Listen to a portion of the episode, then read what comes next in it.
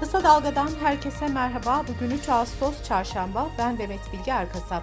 Gündemin öne çıkan gelişmelerinden derleyerek hazırladığımız Kısa Dalga Bülten başlıyor. İçişleri Bakanı Süleyman Soylu, Ankara'nın Çankaya ve Mamak ilçelerinde 3 cemevine yönelik saldırılarla ilgili açıklama yaptı. Bakan Soylu, cemevlerine saldıranların örgüt bağlantısı var, yakında açıklayacağız dedi. Saldırılarla ilgili soruşturmada 3 kişi gözaltına alınmıştı. Meclisin tatile girmesi nedeniyle grup toplantısı yerine her hafta salı günü bir ilde buluşmalar düzenleme kararı alan CHP Genel Başkanı Kemal Kılıçdaroğlu ve milletvekilleri ilk toplantıyı Erzurum'da yaptı. Kılıçdaroğlu, CHP'li 128 vekilin kanaat önderleri, muhtarlar ve halkın katıldığı grup toplantısında açıklamalarda bulundu. Kılıçdaroğlu şunları söyledi. Beşli çetelerin bir köprüsüne 35 milyar dolar garanti veriyorlar. Ben o paraların tamamını söke söke geri alacağım. Beşli çete aracı koyuyor bizimle görüşür mü diye. Yemezler efendim, görüşmem, milletimle görüşürüm. AKP'nin kurucularından olan 11. Cumhurbaşkanı Abdullah Gül, Karar Gazetesi'nden Mehmet Ocaktan'a konuştu. Abdullah Gül, AK Parti'nin ilk döneminde bütün bürokraside mesleklerinde yetişmiş insanlarla çalıştık. Şimdi sapma görüyorum. Artık önemli makamlarda kariyerinden çok siyasi geçmişi öncelikli insanlar var. Hepimiz kaybederiz dedi. Gül, ekonomiyle ilgili de şu yorumu yaptı. En çok hayret ettiğim şey enflasyonun bu kadar hafife alınması. Enflasyonla çok kararlı, rasyonel, güçlü bir şekilde mücadele etmek için artık son vakit.'' Anayasa Mahkemesi CHP'nin başvurusu üzerine bazı limanların işletme hakkı verilmesi ve devredilmesi yöntemiyle özelleştirilmeleriyle sözleşme sürelerini ihalesiz olarak 49 yıla kadar uzatan kanun düzenlemesini iptal etti.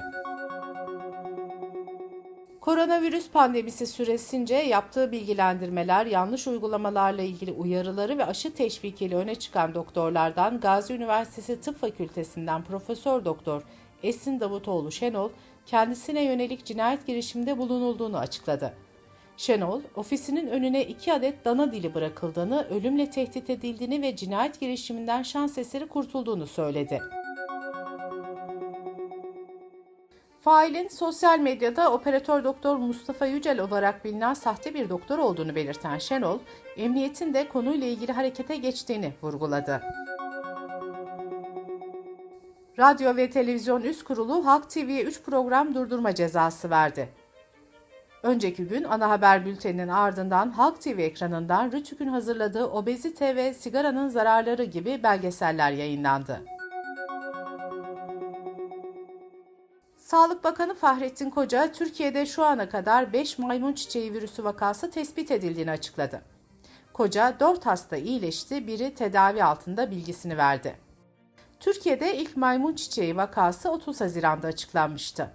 Son günlerde İspanya, Brezilya ve Hindistan'dan ölüm haberleri gelirken Dünya Sağlık Örgütü de salgını acil durum kategorisine almıştı. Antalya Büyükşehir Belediyesi'nin ev sahipliğinde 1-8 Ekim tarihleri arasında düzenlenecek 59.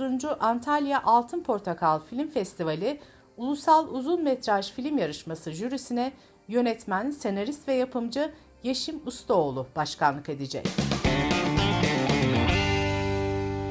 Sırada ekonomi haberleri var. İstanbul'daki enflasyonun %99.1 ile son 24 yılın zirvesine ulaştığını duyuran İstanbul Ticaret Odası en çok zamlanan ürünlerin listesini de açıkladı. İstanbul Ücretliler Geçinme İndeksinde yer alan 242 ürünün 112'sinin perakende fiyatı artarken 24 ürünün fiyatı düştü, 106 ürünün fiyatı ise değişmedi. Temmuz ayında gıda harcamaları grubunda yer alan biber %58.34 artışla fiyatı en çok yükselen ürün oldu. Fiyatı en fazla azalan ürün ise karpuz oldu. Karpuzun fiyatı %24.21 gerileme gösterdi. Türkiye İstatistik Kurumu enflasyon oranını bugün açıklayacak. Bloomberg HT araştırma biriminin Temmuz ayı enflasyon anketine göre enflasyonun aylık %3.20, yıllık ise %81.03 olarak gerçekleşmesi bekleniyor. Aksoy araştırmanın kiracılar arasında yaptığı ankette iktidarın fahiş artışa karşı getirdiği %25 zam sınırına uyulma oranı %10.8'de kaldı. Türkiye genelinde kirasını ödemekte zorlananların oranı %67.9 olarak ölçüldü. Kirasını öderken zorlanmadığını ifade edenlerin oranı ise yalnızca %7.1 olarak açıklandı. Araştırmanın değerlendirme bölümünde ise şöyle denildi. Verilen yanıtlardan da anlaşıldığı üzere kiracıların barınma hakkı piyasanın zorba koşullarına veya ev sahiplerinin vicdanına bırakılmış durumda. Türkiye'de yüksek fiyatlar nedeniyle barınma krizi derinleşirken Çevre, Şehircilik ve İklim Değişikliği Bakanı Murat Kurum, fiyat artışının suni olduğunu savundu. Bakan Kurum, kirada da konut fiyatında da gerileme olacak. Yaptığımız projelerle buna imkan sağlayacağız dedi. Hazine ve Maliye Bakanı Nurettin Nebati yüksek enflasyon nedeniyle 500 liralık banknot ve 10 liralık madeni para basılacağına ilişkin iddiaları yalanladı. Bakan Nebati kesinlikle hiçbir şekilde bu yönde bir çalışma yok, ihtiyaç da yok dedi. Et fiyatlarına Kurban Bayramı'ndan hemen sonraki hafta ortalama 10 lira zam geldi. Sektör temsilcileri bayramdan sonra durgunluk beklediklerini ancak zammın devam ettiğini belirtti.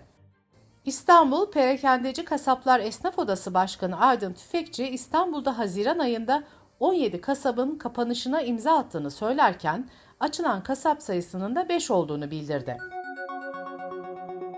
Dünyada enerji fiyatları hızla artarken İngiltere merkezli enerji de ve BP yılın ikinci çeyreğinde yaklaşık 8,5 milyar dolar kar ettiğini açıkladı. Şirket geçen yılın aynı dönemine kıyasla karını 3'e katlamış oldu.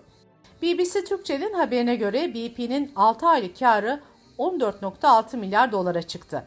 BP böylece hem 14 yıllık kar rekorunu kırdı hem de kuruluşundan bu yana en yüksek ikinci kar oranına ulaştı. Dış politika ve dünyadan gelişmelerle kısa dalga bültene devam ediyoruz. Reuters haber ajansı CIA'in hafta sonu Afganistan'da insansız hava aracıyla düzenlediği operasyonla El-Kaide lideri Zevahiri'yi öldürdüğünü duyurdu. ABD Başkanı Joe Biden da önceki gece saatlerinde şu açıklamayı yaptı. İstihbarat Zevahir'in yerini bu yılın başında belirledi. Operasyon benim emrimle cumartesi günü yapıldı. Zevahir'in ailesinden kimse ölmedi, sivil kayıp yok. Afganistan teröristler için güvenli bir bölge olmayacak. Taliban ise Amerika'nın operasyonu kınarken Doha Anlaşması'nın açık ihlalidir tepkisini gösterdi. Ukrayna tahılının çıkarılması ile ilgili süreç hakkında konuşan Ukrayna Altyapı Bakanı Kubrakov, ilk iki haftalık deneme sürecinde günde en fazla 3 geminin çıkışına izin vereceklerini söyledi. ABD Temsilciler Meclisi Başkanı Pelosi'nin Çin tarafından tanınmayan Tayvan'ı ziyaret etmesi beklenirken sınırda askeri gerilim tırmandı. Çin, savaş uçaklarını Tayvan boğazındaki sınır hattına gönderdi. Amerika'da Tayvan'ın doğusuna dört savaş gemisi konuşlandırdı. Çin, Tayvan'ı kendi parçası olarak görürken ABD de adayı yıllardır silahlandırıyor. Bununla birlikte 25 yıldır hiçbir ABD'li üst düzey yetkili Tayvan'ı ziyaret etmemişti. Birleşmiş Milletler Genel Sekreteri New York'ta nükleer silahsızlanma konferansında yaptığı konuşmada insanlığın nükleer yok oluşu yalnızca bir yanlış anlamaya, bir hesap hatasına bakar dedi. Yunanistan dün birkaç saat içerisinde işlenen 3 ayrı kadın cinayetiyle sarsıldı.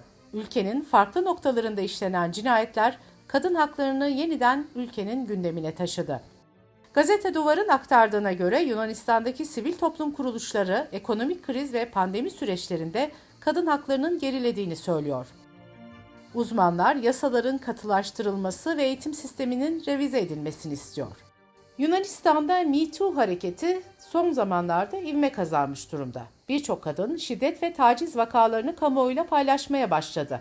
Yapılan açıklamalar sonrası birçok zanlı da tutuklanmıştı. İspanya'da enerji tasarrufunu içeren yeni yasal düzenlemeyle mağazaların kapılarını kapalı tutması, klimaları sınırlı kullanması ve vitrin ışıklarını saat 22'den sonra kapatması kuralı getirildi. Bültenimizi kısa dalgadan bir öneriyle bitiriyoruz. Türkiye bugün yine enflasyon oranlarını konuşacak. Ziraat Bankası'nın eski genel müdürü Profesör Doktor Şenol Babuşçu, Mühtan Sağlam'ın ekonomi sohbetlerinde yaptığı açıklamada enflasyonu düşürmekle bilerek uğraşmıyorlar, bu bir seçim stratejisi demişti. Mühtan Sağlam'ın bu önemli söyleşisini kısa dalga.net adresimizden ve podcast platformlarından dinleyebilirsiniz. Gözünüz kulağınız bizde olsun. Kısa Dalga Medya.